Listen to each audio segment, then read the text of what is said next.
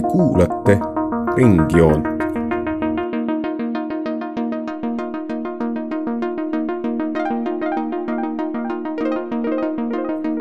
joon ringis. saatesari Varjupaiksed. tere, kallid kuulajad, me oleme täna jällegi siin Kene raadiostuudios ja minuga on siin Saskia ja Harald. tere! tere! mina olen saatejuht Solveig ja täna salvestame me oma saatesarja Varjupaiksed kolmandat osa, kus arutluse alla tuleb majandus. nimelt äh, uurime me täna ka seda, miks äh, on riike, kus pagulashulkade sisseränne on sealsetele sotsiaalsüsteemidele äh, ja majandusele koormav ning samas on ka teisi riike, kus nad on integreeritud niivõrd hästi, et nad aitavad igatpidi kaasa majanduse õitsemisele. aga esmalt, kui me laskume nendesse teemadesse siis ma tahaksin hetkeks mõelda siis põgenikule endale.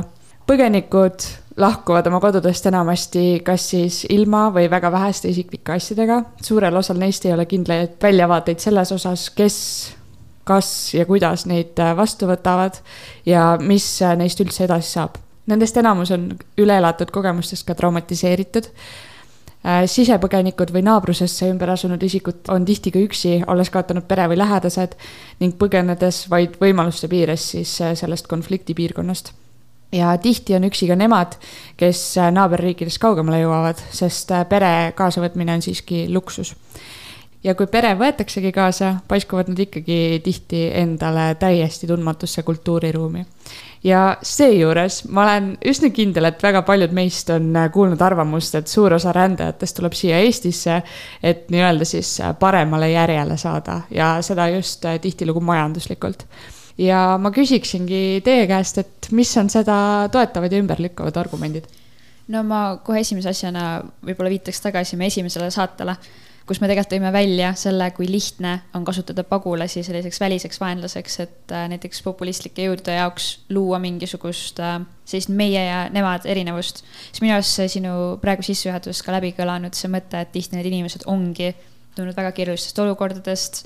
Nad äh, tulevad oma traumadega, oma pagasiga, jõuavad kohale ja siis nüüd mõelda, ja nad tulevad nagu lihtsalt meie tööd varastama või meie naisi varastama, mis iganes ülejäänud stereotüübid on, on lihtsalt kuidagi minu arust nii rõve ja valus. et ma panen siia kohe need kaks sellist väga tunnetuslikku sõna ka külge, sest ma arvan, et see on äh, oluline, et me nagu, et siin hästi palju mängib sellest, kuidas meie mõtleme tegelikult nendest inimestest, kes tulevad. tihti see kuidagi, see mõtlemine ongi natuke paigast ära, ma arvan. no esiteks, äh, nagu me natuke esimeses osas ka juba rääkisime ja edaspidi rohkem räägime, migreerumine, rändamine, see ei ole lihtne tegevus, ütleme, võib-olla näiteks noh, Euroopa Liidu sise, siseselt on näiteks üsna kerge, aga noh, kui me just räägime, ütleme, kolmandast maailmast pärit inimestest, see ei ole asi, mida keegi teeks lihtsalt äh, niisama, sest et nagu ta tahab, vaid nagu seda teevad inimesed siis, kui neil on vaja ma äkki võib-olla isegi lisaks siia, et, et nagu sa ütlesid, siis see ei ole kerge tegevus ja see ei ole sugugi ka majanduslikult ju kerge tegevus. oletame mõnest Aafrika riigist Euroopasse saada on ikkagi väga-väga kulukas, et selles mõttes äh, nendel inimestel peab olema juba endal mingisugune majanduslik võimekus olemas.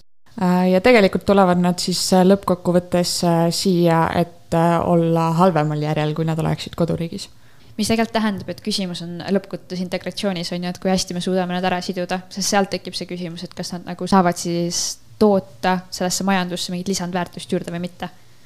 jällegi väärtuste küsimus tekib siin minu arust lõppkokkuvõttes.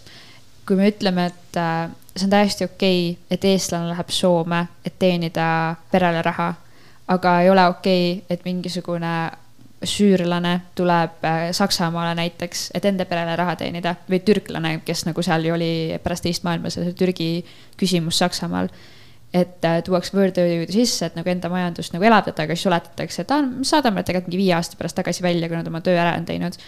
et, et kuivõrd nagu siis see äh, ka väärtus on, et ma nagu, ma ei taha siinkohal öelda, et me saaksime kogu maailma rahva tuua Euroopasse, nad saaks elada Euroopas head elu, sest noh ähm,, need süsteemid, integratsioon, kõik värgid, need ei toimiks nii hästi ja nii kähku, on ju, et see oleks võimalik tõesti, sellega ma olen nõus. kuna integratsioon olla hästi tehtud, et see majandus saaks hakata toimima. aga samas jällegi me peame ka endale tajuma, et nagu kus kohas siis need vahed nagu tegelikult on, et miks me ühtedel puhul ütleme, et see on okei okay,, et mul naabrimees käib Soomes ehitamas, aga see ei ole okei okay,, et mul süürlane tuleb Eestisse ehitama näiteks. Ja noh lõppkokkuvõttes tegelikult see on hästi laialt äh, levinud arusaam siin Eestis, kus tegelikult need palgad ei ole sugugi nii kõrged, kui need on Lääne-Euroopas, nii et see on selles mõttes ka üsnagi silmakirjalik eestlaste poolt, äh, et, et arvata, et nad on nii palju paremal järjel siin, kus nad, kui nad oleksid äh, koduriigis, kus nad saavad reaalselt teenida oma teadmistele, oma oskustele vastavalt sellisel töökohal, kuhu nad reaalselt on ka oodatud ja kuhu nad on ka õppinud näiteks mm. -hmm. et sul ongi, et kui sul tulevad mingisugused, äh, nüüd me ei räägi isegi lihttöölistest, me räägime inimestest, kes on kõrgelt haritud. kui nad tulevad uude riiki, siis nagu nad peavad õppima ju uuesti mingeid asju või ümber õppima või õppima kohalikus struktuuris asju tegema nagu arstide puhul mm, -hmm. äh, juura, juurataustaga inimeste puhul ja nii edasi. mis tegelikult tähendab, et nagu taaskord nad jäävad justkui maha nendest teistest, on ju et jah, et minu arust siin hästi selgelt tuleb läbi väärtuste küsimus ja see, et noh, et äh, me nüüd hetkeks istume ja mõtleme sellele, mis see siis nagu see heal järjel olemine või hea järje otsimine tähendab. kas nad tõesti siis otsivad head järge, kui nad tulevad nagu sõja eest ära ja tahavad siin lihtsalt nagu teha kasvõi lihttööd, kuigi nad on, võiksid tõesti oma koduriigis, kui asjad oleksid paremini teha mm -hmm. nagu samamoodi oli siis, kui Eestis oli sõda, siis mindi Rootsi, mindi USA-sse ja, ja noh, kujutame nüüd ette sellist olukorda, et ei Rootsi ega USA ei ole nõus meid vastu võtma ja noh tegelikult see, see on, see on sama asi, mis on kõigi teiste põgenikega. ja, ja minu arust, kui nagu isegi rääkida puhtalt sellest, et kas äh, nad tulevad või ei tule siia selleks, et äh, nii-öelda paremale järjele saada, siis see võib-olla on tegelikult äh, üldsegi vale nagu, nagu mull, milles olla, sellepärast et miks see on halb asi, kui inimene on nagu kvalifitseeritud, et töötada mingil ametikohal, aga nagu ta ei saa näiteks enda koduriigis seda enam teha aga nagu kuskil näiteks läänemaailmas saaks, siis miks ta ei peaks saama nagu seda teha, miks ta ei peaks saama nagu migreeruda näiteks sinna teise riiki. Aga jah, no muidugi sõja, sõja puhul on see eriti, et keegi noh, sõjapõgenikud, inimesed, kes põgenevad Süüriast, ei taha lihtsalt äh, head elu, nad tahavad elu, nad tahavad jääda ellu, et sellepärast nad tulevad siia nagu see on jah. nii et ma arvan, et sellest võib-olla olekski hea nagu raamistada meil see arutelu nagu täna sellega, et, et võib-olla nagu ongi väärtusküsimus selle stereotüüpide taga rohkem kui midagi muud. Võib-olla isegi see ei ole küll kindlasti sama asi kui inimesed, kes on sunnitud oma kodudest lahkuma, aga kui vaadata seda natukene veel teisest perspektiivist, siis on, on ju ka näiteks inimesed, kes lähevad teise riiki õppima, mis on lõppkokkuvõttes ju sama asi, et sa lähed otsima paremaid võimalusi, paremat haridust. lihtsalt äh, pagulased äh,, põgenikud on sunnitud minema teise riiki ja nad on sunnitud siis äh, õppima mingisuguses äh, teises haridussüsteemis või nad on sunnitud töötama mõnel äh, teisel töökohal, mis on ilmselt ei maksa nii palju, kui see maksaks koduriigis. võib-olla siin liiguksimegi järgmise küsimuse juurde, kuidas siis tegelikult pagulased, põgenikud sihtkohariikides endale majanduslikult jalad alla saavad ja kas te oskate näiteid tuua ka kohtadest, kus see integreerimise süsteem on, on nagu hästi paika pandud, hästi toimiv ja, ja selliseid kohti ka, et kus, kus see nii, niivõrd hästi ei toimi ja kus põgenik ja pagulane võib, võib muutuda selliseks koormavaks. selleks, et nagu majanduslikku tuge anda, ongi noh, põhimõtteliselt on kaks võimalust. nii-öelda erakapital, et inimesed ise nagu rahastavad näiteks heategevusi või siis annavad otse näiteks tuge põgenikele või teine on nagu riigipoolne abi ja noh, ongi see abi on nagu see, et inimestele nagu antakse alguses abi, sisuliselt alati äh, viib selleni, et tulemus on nagu pikas plaanis parem ning nagu need põgenikud saavad kiiremini osaks selle riigi nagu majandusest ja hakkavad ka tootma lisandväärtust sellele riigile. seega ma ütleksin, et äh, need riigid, millel on edukas sotsiaalsüsteem, on need riigid, mis keskenduvad põgenike integreerimisele just, põgenike kaasamisele majandusse ei, ei sea piiranguid äh, pagulaste töötamisele näiteks äh, ja võimaldavad neile just eriti alguses äh, mingid äh, baasvajadused, nad saaksid just kiiremini nagu jalad alla. Nende toetustega ongi see, et nad peavad olema väga hästi ka läbi mõeldud tegelikult, et nad ei muutuks ise nagu piiravaks mõndadel puhkudel. ja ma tean, et äh, aastal kaks tuhat üheksateist, kui mina kirjutasin oma äh, keskkooli lõputööd siis mul oli hästi huvitav arutelu Johan Mihkelsoni keskuses äh, selle üle, kuidas Eestis näiteks on natukene problemaatiline see, kuidas toetused töötavad pagulaste puhul. Et kui sa võrdled seda toetust, mis nad saavad ja seda, mida nad saaksid, kui nad alustaksid, seda palka, mida nad saaksid, kui nad alustaksid tööd, siis see toetuse ja tööpalga vahe on niivõrd väike, et sul ei ole tegelikult kasulik näiteks tööle minna. arvestades, et kui sa tööle lähed, sa pead hakkama muretsema sellest, et kuhu lasteaeda su lapsed lähevad, kuidas sul toimub äh, mingi transport, kuidas sul hakatakse, kuidas sul kodus süüa tehakse, kõik sellised küsimused tekivad sinna juurde, noh nagu tava tööinimese probleemid on. sa pead hakkama nagu nende pärast muretsema, samas see lisaraha, mis sa saad, ei hakka nagu olema väärt seda nii selgelt. kui me räägime jällegi nagu sellest komplekssusest, mis on ka selles sotsiaalvõrgustikus, siis see on tegelikult nagu hästi oluline. sama näiteks, astuda samm tagasi selle aitamise juures nagu kõik need toetused, näiteks ka eluasemete ja selliste küsimustega on minu arust hästi olulised, et kui sul on ka mingisugused juba nagu koormatud, koormatud sotsiaalsüsteem, siis loomulikult nende pagulaste toetamine muutubki raskemaks. et kui sul on juba näiteks, no täna me võime rääkida, et meie eluaseme hinnad on niivõrd laes, on ju, ja siis sa veel üritad samal ajal näiteks Ukraina sõjapõgenikele saada eluasemeid. ma arvan, et äh, enamus meist on mingit pidi kuulnud neid lugusid, kuidas äh, kuidas näiteks õiguskantsleri poole on pöördutud nagu selliste probleemidega, et sul näiteks üürile pakkujatel on kirjas, et nagu põgenikke ma enda korterisse ei taha või noh, selliseid asju, mis tegelikult on diskrimineerimine, aga mitte, et see oleks arusaadav, aga nagu see on, ongi selle mõttega, et, et sul nagu turul neid võimalusi on nii vähe, et, et nagu, et kuidas sa siis nagu veel sellistes oludes ka, kui sul see rahvas, rahva nagu väärtushinnangud on võib-olla kuidagi teistsugused. kuidas siis näiteks saad nagu seda, isegi nagu sellist lihtsat küsimust nagu eluase nagu lahendada.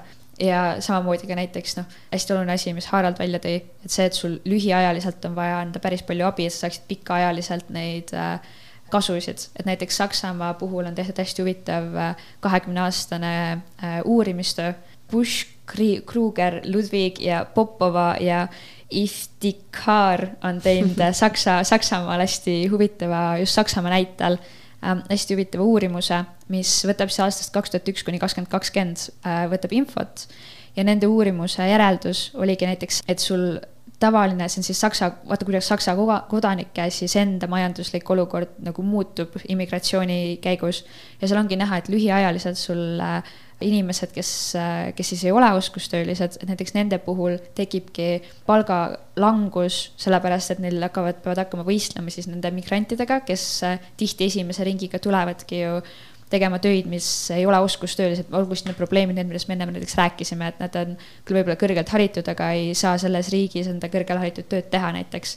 Et nagu sul seal tekib nagu juba push, mis tegelikult rääkides sellest, kuidas me ka väärtustame ehk nagu äh, pagulasi, et sa võid ju olla ka nagu see inimene, kes nagu tõesti toetab seda ja saab aru, et inimene on sõjapõgenik ja samas sul endal näiteks kaotad oma töökoha või sa lihtsalt ongi nagu selles, selles tööturul see võistlus nagu ongi sinu kahjuks nagu mingil hetkel.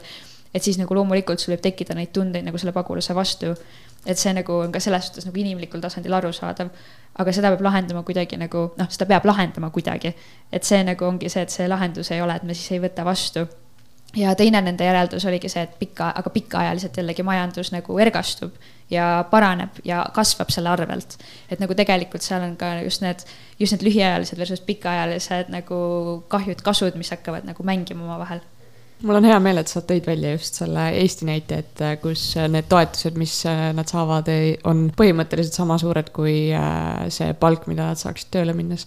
võib-olla siinkohal tasuks mainida ka seda, et kui nad saavad lihtsalt toetusi, siis nad ei ole maksumaksjad nagu töölkäijad mm. -hmm. ja võib-olla see on ka üks asi, mis võimendab seda arusaama, et nad koormavad äh, ja elavad äh, maksumaksja raha eest kuidagi. kui Eesti on loonudki sellised tingimused, et neil on esiteks keeruline tööle saada ja teiseks neil ei ole mõtet tööle minnagi, mhm. et siis see on võib-olla jah, sihuke. ma igaks juhuks mainin, et see näide kahe tuhande üheksateistkümnendast aastast, et ma loodan, et vahepeal on asjad paremaks läinud, ega ma tegelikult ei tea Norras on ka näiteks niimoodi, et millega äh, soodustatakse inimeste integreerumist, et antakse kuni kaksteistkümmend tundi äh, keeleõpet pagulastele. keel on oluline, et siseneda tööturule, eks ole. Eestis on sarnane, et seal hakatakse ka, minu teada siis hetkel pagulasabil on vist see, on tehtud äh, riigihange äh, keeleõppeks, aga sellega on äh, taaskord vähemalt kahe tuhande üheteistkümnendal aastal oli see probleem, et äh, Eestis riigihankele, riigihanke tingimustele vastab ainult äh, üks organisatsioon äh, ja mis tähendab, et sul on tehniliselt monopol, mis tähendab, see tegelikult peab pakkuma väga head teenust, et riigihanget võita. mis tegelikult on näha, et kohati ongi halb, sellepärast et see, kuidas neile keelt õpetatakse, ei ole kõige parem ega kõige uuem keeleõppeviis. Nii et siin on jällegi ka selline kerge nagu konkurentsi küsimus tekib, mis, mis on problemaatiline. ma ei tea nüüd, kas lahendustest rääkida või kuidas, aga, aga siin tekib jah, et jälle see läbimõtestamise küsimus, et mille jaoks ja kuidas me teeme asju kas te oskate peale Norra ja Eesti veel tuua näiteid, kus on, kus on sellist nagu integreerimissüsteemi, kus on, kus on näiteks muuhulgas ka siis keeleõpe ja muud sellised treeningud, et kas te oskate veel näiteid tuua sellistest hästi struktureeritud süsteemidest, kus pagulasi kaasatakse kohe majandusse või sotsiaalsüsteemidesse? ma tahaks loota, et Euroopas üldiselt, aga ma kahtlustan, et see ei ole tõde. ma tean, et Kanadas on ka aga neil on, neil on nagu ka see mõte võib-olla natuke teine natuke süsteemiga. et Kanada on hetkel üks selline hästi suur tõmberiik ja Kanada mentaliteet on praegu hästi see, et kuna neil ongi vananev kodanikkond, siis nad võtavadki just selliseid äh, täppistöölisi ja inimesi, kes ongi võib-olla natuke kõrgelt haritud, võtavad hästi vabalt vastu ja saadavad neid tihti kuhugi just sellistesse no väiksematesse kohtadesse näiteks elama ja annavad neile, annavad majutuse, annavad nagu aitavad äh, tööturule siseneda hästi kiiresti ja annavad selliseid noh, no võimalusi, seda sotsiaalse nagu toetust hästi palju, et nad saaksid siis hakata väga kiirelt majandusse tagasi tooma.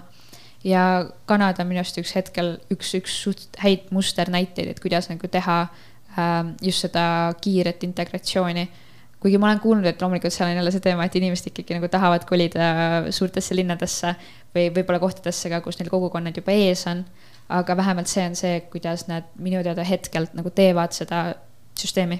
Ehk siis seeläbi põhimõtteliselt täiendatakse äh, neid äh, kohti, kus Kanadal ise vajaka jääb. ja just, ja see on vist see ka, kuidas Eestis nagu natuke üritatakse seda teha ähm,. aga meil on vist see rohkem nagu üritatakse integratsiooni seda teha, et inimesed lähevadki väikestesse kogukondadesse, kus nad ehk nagu saavad kiiremini inimsidemeid luua mis noh, toimib nii, kuidas ta ehk toimib no näiteks noh, üldiselt pagulased tahavad minna, põgenikud tahavad minna nagu suurematesse linnadesse, eks ole.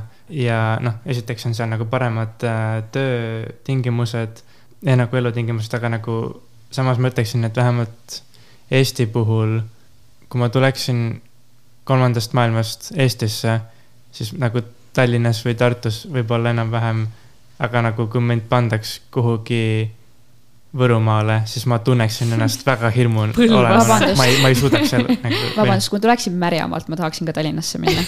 ja, ja nagu- just täpselt ja see ka täpselt. tervitame siinkohal Steni. Steni jah, täpselt. Word. okei, aga kas on mõni näide veel või liigume edasi ja, nendesse halbadesse näidetesse? vahepeal leidsin Euroopa kohta siis, et äh, Taanis on ka äh, selline mudel, mis äh, võimaldab äh, immigrantidele keeleõppe ja koos sellega ka nagu mingisuguse töökoha põhimõtteliselt ning äh, esimene töökoht on subsideeritud riigi poolt. mis tähendab, et see on nagu, see on nagu selline süsteem, mis aitab samm-sammult inimesel integreerida tööturgu, äh, mis on nagu hästi hea, sellepärast et siis muid on see, et nagu ongi, kui sul on kõigepealt toetus, on ju, pigem isegi võib inimene nagu niimoodi vaesemaks jääda, aga kui see on sihuke samm-sammuline protsess, siis see on nagu hästi hea, sellepärast et selleks ajaks, kui inimest enam ei subsideerita, ta saab ilmselt juba nagu rohkem palka, jah. kusjuures äh, Taani kohta ma tean rääkida, et mul on endal üks äh, sõber, kes elab Taanis ja ta on tegelikult pärit äh, Iraagist. ta jõudis Taani lapsena, aga ta ses mõttes vanemad olid, olid juba surnud. tema puhul ma oskaksin rääkida näiteks sellest, et tegelikult Taani, noh, ta portreerib ennast kui sellist ka hästi sõbralikumat, kes võtab väga hea meelega pagulasi vastu võib-olla. aga tegelikult see, mis äh, sääraste lastega tehakse, on see, et neid tahetakse kuskile nagu sihukesesse maakohta kokku panna ja siis nad on seal äh, omavahel, et, et neid tahetakse tegelikult ikkagi silma alt ära panna et äh, selliseid kogukondi tekib hästi palju, kes on nagu tegelikult täiesti eraldatud.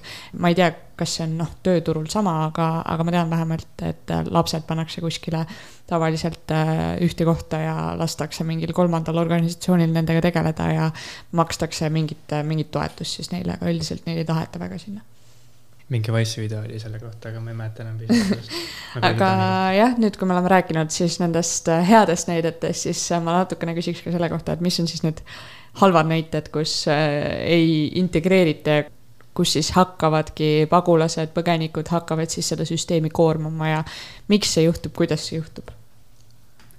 minu arust lühikene vastus on sellele, et, et tekib kas üks äärmus või teine äärmus, mis on see, et kas sul on liiga palju pagulasi või tekib teine äärmus, kus sul ei ole kriitilist massi.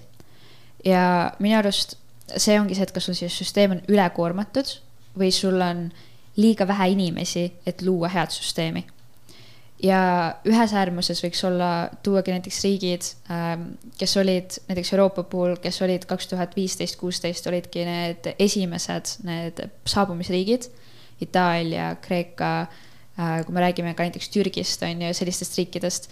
Ja teine äärmus on tegelikult Eesti, kus meil ei ole kriitilist massi, et luua head süsteemi, sest meil on muid probleeme, mis on lihtsalt nii suured, et tegeleda võib-olla saja, saja kahekümne inimesega tundub nagu täielik, täielik tööjõu ja tööaja nagu kaotus, samal kui sa võiksid tegeleda mingite probleemidega, mis puudutab võib-olla tuhandeid. et minu, minu arust nagu siin selline lühikene vastus oleks nagu see. ma ütleks, et äh, see on väga hea point, et äh, enne ei olnud Eestil mõtet tegeleda sellega, sellepärast et numbrid olid nii väikesed. aga ma arvan, et nüüd ongi see, et kuna me just Eesti kolmanda maailma pagulaste jaoks on nagu väga kauge koht, eks ole, nagu ja seetõttu neid tulid ka nii vähe just nagu võrreldes Kreeka ja Itaaliaga onju. aga siis nagu nüüd äh, Ukraina pagulased, eks ole, noh ne- nemad on vist on nelikümmend tuhat praegu umbes Eestis või äh, nüüdseks juba rohkem.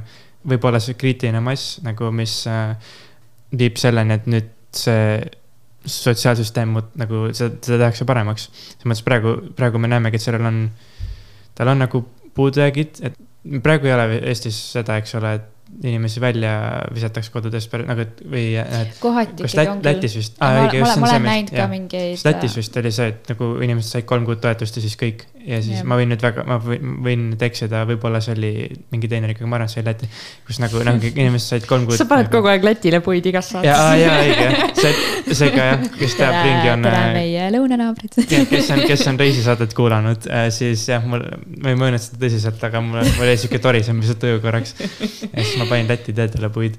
aga jah, et, et noh, meil ei ole nagu päris sellist olukorda justkui, aga just nagu inimesed, nagu sa ütlesid, onju. no meil on küll vaata neid lugusid, et inimesed a la, et ma, ma ma olen sotsiaalmeedias nagu näinud päris palju seda, et, et kuule, et ülehomme visatakse välja, et kas kellelgi on nagu enda juurde võtta. et meil juba vaikselt nagu on seda. Aga kas see ei ole mitte meie noh, endiga ka, et ma tean eestlastel ka jumala palju lugusid, et see on lihtsalt nagu mingi nõme üürileandja tegelikult ju. aga see on ka vist see toetuste küsimus, ma ütlen, ma Mhm. täpselt nüüd siin kohapeal ei tea, aga lihtsalt see, et jah, et kuidas sul nagu inimesed lihtsalt ei, ei, ühesõnaga, et seal on nagu mingi kala sees. aga, aga jaa, et ma arvan ka, et tegelikult äh, ukrainlastega on küll ainult see, et, me nüüd nagu saime šoki väga äkitselt. Et ma ei ole kindel, et äh, ma ikkagi aru saan, et kõik need kriisihalduskeskused on lihtsalt praegu ei olegi maganud alates kahekümne neljandast veebruarist. et ongi, et noh, sa pidid järsku hakkama ehitama seda süsteemi, aga noh, me loodame, on ju, kuigi mul on võib-olla kohati tunne, et hetkel ikkagi ka loodetakse, et hästi palju neid inimesi läheb tagasi, kui sõda lõpeb. Kui sõda aga lõpeb millal see lõpeb, eks ole. ja et, et sellega ongi see, et aga mul on tunne, et seal on nagu võib-olla mingi väike lootus endiselt sees, et sellest, et me- see arusaam, et meil on tegelikult vaja luua nagu pikaajaliselt toimiv hea süsteem on nagu midagi, mis ma loodan, et nagu jääb rohkem kõlama. siin, siin ongi see oht, et äh, seda ei tehta, seda ikka ei jõuta nagu piisavalt heaks teha ja siis tekivadki probleemid, inimesed hakkavad jääma hammasrataste vahele ja nii, või noh nagu praegu see toimubki, eks ole, lihtsalt, et nüüd ongi see koht, et kas see süveneb või nagu jah. jah, aga veel kehvadest näidetest me saame tuua kõiki neid riike, kes teevad nii-öelda neid koonduslaagreid. et USA puhul oli see kaks tuhat üheksateist kindlasti üks suur teema, kus siis ka minu arust Wise või kes see USA alternatiivne või noh äh,, erarahadega meediakanal tegi lugu isegi sellest, kuidas siis need lapsi ja vanemaid eraldati seal äh, kas see on Mehhiko, Mehhiko-USA piir on ju mm, -hmm. et äh, seal, kuidas sul olid, eraldati lapsi vanematest, loodi mingeid, oligi lastele nagu põhimõtteliselt noh, pandi kastidesse enam-vähem elama, on ju, puuridesse, et äh, et see, see nende nagu piirivalve käitumine oli ikka kohati nagu allapoole igasugust nagu inim, inimväärikust. ja samamoodi ma tean, et ka vist Inglismaal on olnud mingeid selliseid Jaa. lugusid Suurbritannias on ka, vähemalt mõni aasta tagasi see oli teema. et nagu, täp-, noh, täpselt samamoodi põhimõtteliselt pannakse inimesed laagritesse, mis noh, mis, ma ei mäleta, mis see on, detention center või mingi inimestele, kellel ei ole veel nagu nii-öelda luba riiki siseneda legaalselt, aga nagu siis ongi, et neile ei anta ka mingit võimalust ennast teostada, neile ei anta võimalust panustada sellesse ühiskonda ja siis nad nagu noh, vinduvad seal on ju, noh, kellele see ja seda limbo momenti on tegelikult, limbo momenti on tegelikult päris palju, et kui me räägime ka sellest, mis meil siin sügisel toimus Valgevene piiri peal, et samamoodi need laager ei kellegi maal on ju, et see on nagu tegelikult sama küsimus ja tegelikult ka need teisel pool Vahemerd ka need laagrid, mis meil on, on tegelikult samamoodi limbod. et sul inimesed jäävadki sinna, et sa Solveig, sina oled, on ju, ju näinud neid ka. et sul Mhm. ongi inimesed istuvad seal ja ootavad oma nii-öelda otsust, et see on ka selline äh, tegelikult ikkagi kohati meenutab äh, väga sellist ebainimlikku koonduslaagri teemat. Mhm. aga võib-olla liiguks hetkeks äh, ikkagi kõrvale sellest, oletame, et neile antakse pagulasstaatus ja nad äh, sisenevad meie majandusruumi, meie kultuuriruumi ja mida nad äh, saavad äh, siis ise ära teha, et äh, tegelikult äh, meie majanduses äh, osaleda aktiivselt no ma tean, näiteks Eesti puhul on hästi tore see, et meil on äh, nii pagulasabi kui ka siis äh, see oli Johan Mihkelsoni keskus, minu arust neil on nüüd uus nimi, ma ei ole täiesti kindel, aga re- rebränditud Johan Mihkelsoni keskus. et nendel ikkagi on päris palju selliseid projekte, millega aidatakse siis, kas õpetatakse mingeid oskuseid, õpetatakse äri tegema ja neid nagu õnnestunud lugusid on ka päris mitu. et Tartu puhul võime rääkida restoran Köömenist, kes siis pakuvad äh, autentset autentset, autentselt. autentset äh, Araabia, Süüria äh, beduiini, selliseid nagu kurdi, Damaskuse, mis ma siin vaatan, neil üles selliseid äh, äh, köögi siis äh, catering'u.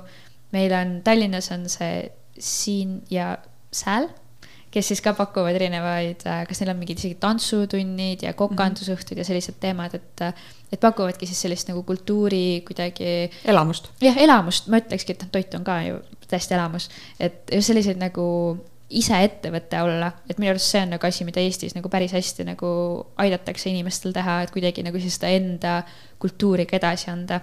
Mhm. ja noh, tegelikult on ju ka kindlasti neid äh, projekte, mida muuhulgas ka teevad Pagulasabi ja Mondo, äh, mida tehakse siis tegelikult nendes tõukeriikides. jaa, et äh, milliseid projekte te nimetada oskate?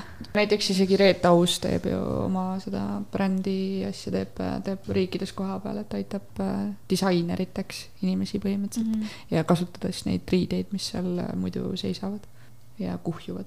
Et näiteks äh, üks Eesti au- äh, pagulasabi projekt, Keenia pagulaslaagrite elanike toimetuleku toetamine läbi väikeettevõtluse, ressursisäästliku põllumajanduse ja eluoskuste edendamise, et põhimõtteliselt Keenia pagulaslaagris elanud naistele ja noortele pakutakse äh, koolitusi ja toetusskeeme väikeettevõtlusega alustamisel, neile antakse mingi algkapital, nii-öelda noh, suunatakse neid ise nagu olema väikeettevõtjad, looma nagu sellega väärtust juurde mm. -hmm. ja endale. see on vist üsnagi levinud skeem Jah. et ma olen hästi palju kuulnud seda, et mitte ainult siis isegi Eesti organisatsioonidega, aga rahvusvahelised organisatsioonid teevad samamoodi hästi palju just seda, et nad lähevad sinna koha peale ja nad aitavad siis kohalikel nagu alustada mingit oma äri ja seeläbi nad tegelikult teevad kahte asja korraga, et äh, ühest küljest äh, nad panevad need äh, inimesed, keda nad aitavad, nad panevad need inimesed aitama kaasa oma riigi majandusele ja arendama oma riigi majandust. ja tegelikult nad vähendavad siis seda internatsionalismi mõju, mis sinna riikidesse jõuab siis erinevate produktide näol, et, et nad, nad arendavad seda, et oleks olemas ka mingisugune kohalik toodang ja, ja minu arust teine asi, mida tehakse päris palju, on ka see nii-öelda koolitee toetamine mm. -hmm. ma tõesti ütlen, mul on nii kahju, et mul see projekti nimi praegu meelest ära on aga ma ütlen, minu pere on ka alates aastast kaks tuhat kümme äh, toetanud siis ühe, see ongi tüdrukute just, et tüdrukud koolist välja ei kukuks. ja oleme toetanud nüüd juba vist päris mitme tüdruku siis nagu seda kooliteed, mis on nagu ka täiesti idiootne, ma arvan, et see toetus on aastas, kas on viiskümmend eurot või midagi sellist mm -hmm. ja sa nagu saad toetada, et üks laps käib terve aasta koolis ja ta seejuures siis ongi koolivorm, õpikud, kõik värgid. et ja see on ka sellest, see oli hästi tore, kui me, kui see nagu alustas, et ma mäletan, et et me vahetasime kirju selle tüdrukuga, kellega oli, et nagu mina kirjutasin talle, tema kirjutas mulle siis mul oli selline nagu pen pool oli kuskilt ja, ja siis ta saatis endast nagu enda perest ja enda elust pilte ja siis mina saatsin nagu meie elust pilte talle, et see oligi selline hästi nagu, hästi armas ka, et selline inimlik nagu side tekkis täiesti mm. -hmm. et, et nagu need, need asjad on ka minu arust kuidagi hästi väärtuslikud. et seesama, et kui me räägime ka nendest väärtusküsimustest, on ju, et sa tunned nagu seda sidet jällegi nagu mingis formaadis aga jah, et just see, et ka tõukeriikides aitamine on tõesti asi, mida nagu peab tegema ja, ja just nagu selles formaadis, et me anname sulle õnge, mitte kala, mis ja. on see, mis tegelikult on nagu kasulik ja et see tohutute rahasummade saatmine, et see võib väga tihti ka minna tegelikult ju tühja auku, eriti kui need riigid on korrumpeerunud ja sa annad otse riigi juhtivale eliidile, et, et siis see lihtsalt võib minna nende isiklikuks tarbeks, mitte üldiseks hüvanguks, et see on väga-väga laialt levinud paljudes riikides ma tegelikult äh, küsiksingi nüüd äh, viimase küsimuse, et me natukene enne ka puudutasime seda teemat. aga me rääkisime siis sellest, et osa põgenikest on äh, kõrgelt haritud, laialdase töökogemusega, mis nad on saanud siis oma koduriigis.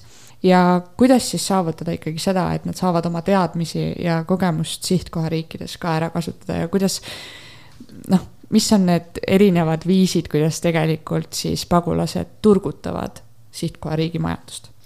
no ma arvan, et see, see asi olekski esimene samm on see, et me tunnistame endale, et need inimesed, kes tulevad, ei ole kõik nii-öelda siis mitte kõrgelt haritud ja mitte laialdase töökogemusega. et, et see pakkuda ka just sellist äh, selliseid võimalusi, et kuidas siis äh, saada näiteks inimesi praktikale mingitesse nagu, oletame, et tuleb sul mingi jurist, on ju, ja siis kuidas sa saad näiteks praktikale mingisse juurakeskusesse, juristi juurde või noh, mingeid selliseid valikuid. et ma tegelikult ei tea, kas see praegu toimib, ma arvan, et see on nii loogiline, et ma loodan, et see toimiks. aga just nagu selline nagu see mõttemalli muutus ehk, et kuidas me nagu laialdasemalt mõtleme nendest inimestest, oleks nagu hästi oluline. et jah, et sellest nagu enda sees kuidagi sellest äh, probleemist lahti saada, et sa kohe ei arva, et, et inimesed ongi lihttöölised. ja ma olen väga nõus, et ma arvan, et riigi tugi väga oluline selle osas, et tekitataksegi sellised äh, süsteemid nagu noh, näiteks näide, mille ma tõin, äh, et äh, mis soodustavad seda, et inimene päriselt ka rakendab neid teadmisi, mis tal on, eks ole. ja see on nagu win-win, et riik saab sellest rohkem kasu, inimene nagu saab ennast edasi arendada rohkem aga ma tegelikult siinkohal juba teeksingi väikse kokkuvõtte siis viisidest, kuidas tegelikult äh, pagulased, põgenikud, kui neid äh, õigesti integreerida meie süsteemidesse või ükskõik millise riigi süsteemi, ka majandussüsteemi seejuures, et kuidas nad tegelikult siis saavad äh, panustada. Et jah, et OECD-l on väga selline tore kokkuvõte. Et, äh, et need pagulased, kellel siis puuduvad oskused ja haridus, saavad teha neid töid, mida siis sihtkohariigi elanikele tihti teha ei meeldi. et äh, võib-olla jah, meil on EKRE, kes, kes siis varem rääkisid muidugi seda, et meil on Ukraina majanduspagulased umbes, kes tulevad siia ja võtavad meie töö ära, kuigi nad tegelikult töötasid kuskil farmides, kuhu eestlased absoluutselt oma jalgagi ei tõsta, eks ole et üks asi on see, et nad saavad siis äh, täita need töökohad, kus meie ise ei taha olla. ja see tekitab tegelikult olukorra, kus niinimetatud siis need paremad töökohad jäävad äh, kohalikele. ja need põgenikud, pagulased, kes on siis äh, oskustöölised, kõrgelt haritud, need saavad täita siis nagu teeb Kanada, nagu Saski mainis. Need oskustöökohad, kus meie riigis on oskajatest puudu. et ma ise töötan Playtechis ja seal otsitakse näiteks kogu aeg arendajaid ja nende arendajate leidmiseks antakse isegi olemasolevatele töötajatele boonuseid, et kui sa jumala eest leiad meile mõne IT-arendaja, et siis, siis me maksame sulle nagu, et lihtsalt meil on nii väga vaja neid. ja tegelikult neid on mujal maailmas nii palju ja Eesti, kelle IT toodang on niivõrd äh, kiirelt arenev ja kiirelt laienev, me tegelikult ei suuda piisavalt neid inimesi tööle toota, kes, kes siis piisavalt hästi oskaks ja neid äh, tegelikult tuleb meile mujalt sisse et ma tean, et selle Ukraina kriisiga ka Playtech on väga palju võtnud äh, näiteks Ukrainast inimesi siis tööle. kolmandaks, ettevõtluspagulased, nagu siin mainiti Köömenit ja Siin ja Sääl et äh, nad loovad siis sihtkohariikides ettevõtteid, mis pakuvad siis muuhulgas tööd ka sihtkohariigi elanikele. ja noh, me võime tuua ka vä väga palju suuremaid näiteid kui Köömen ja siin ja sääl. et näiteks äh, Google'i kaasasutaja rändas sisse Nõukogude Liidust äh, pagulaspere lapsena. et äh, neid edulugusid on väga palju ja need teistsugused perspektiivid ja kogemused, mida nemad toovad äh, sinna riiki sisse, need on äh, tihtilugu, aitavad märgata neid, mida teistel märkamata jääb. neljandaks, mida me ka natukene puudutasime siis riikides, kus elanikkond on vananev, mis on siis tihtilugu see, mis on Lääne-Euroopas ja samamoodi ka Kanadas, aitavad sisserändajad siis iivet positiivsemaks muuta. ja seejuures aitab ka see, et nad maksavad makse ja see suurenev arv vanainimesi, neid tuleb ka ülal pidada ja see on tegelikult äh, miski, millega nad maksavad seda pensionit kinni, ühesõnaga ja maksud on teis, teiselt poolt veelgi olulised, sest et äh, need, mida sisserändajad maksavad, aitavad vähendada ka riikide võlakoormat äh, rahvusvahelist ja üleüldiselt siis katta riigi korrashoiuks vajaminevaid kulusid. ja sihtkohariigis teenitud raha, teadmised ja oskused jõuavad lõppkokkuvõtteks ikkagi ringiga tagasi, nagu me teame, pagulasstaatus ei ole igavene, et need jõuavad ringiga tagasi sinnasamasse riiki, kust nad tulid. ja see tegelikult aitab äh, leevendada seda, mis, mis seal toimub. lõppkokkuvõtteks, mida kiiremini saavad pagulased, põgenikud sihtkohariikides tööle, koolitusele, et need saaks töötada, seda kiiremini hakkavad nad tegelikult äh, maksumaksjatena ja oskajatena meie majandusse panustama ja pagulane jääb pelgalt koormaks vaid juhul, kui me laseme tal lihtsalt tühjalt istuda. kas teil on midagi lisada siia lõppu? ma arvan, et sa võtsid nii ilusti kokku selle. võtsid täiega ilusti kokku, jah aga aitäh, et kuulasite meie kolmandat osa. loodan, et kuulate ka neljandat ja viiendat ja kuni üheksandani välja ja kohtume järgmises episoodis. nägemist. nägemist. Käesolev meediasisu on valminud koostöös MTÜ Mondoga projekti Jagatud teekonnad raames, mida kaasrahastavad Euroopa Komisjon ja Eesti Rahvusvahelise Arengukoostöö Keskus. meediasisu ei pruugi väljendada rahastajate seisukohti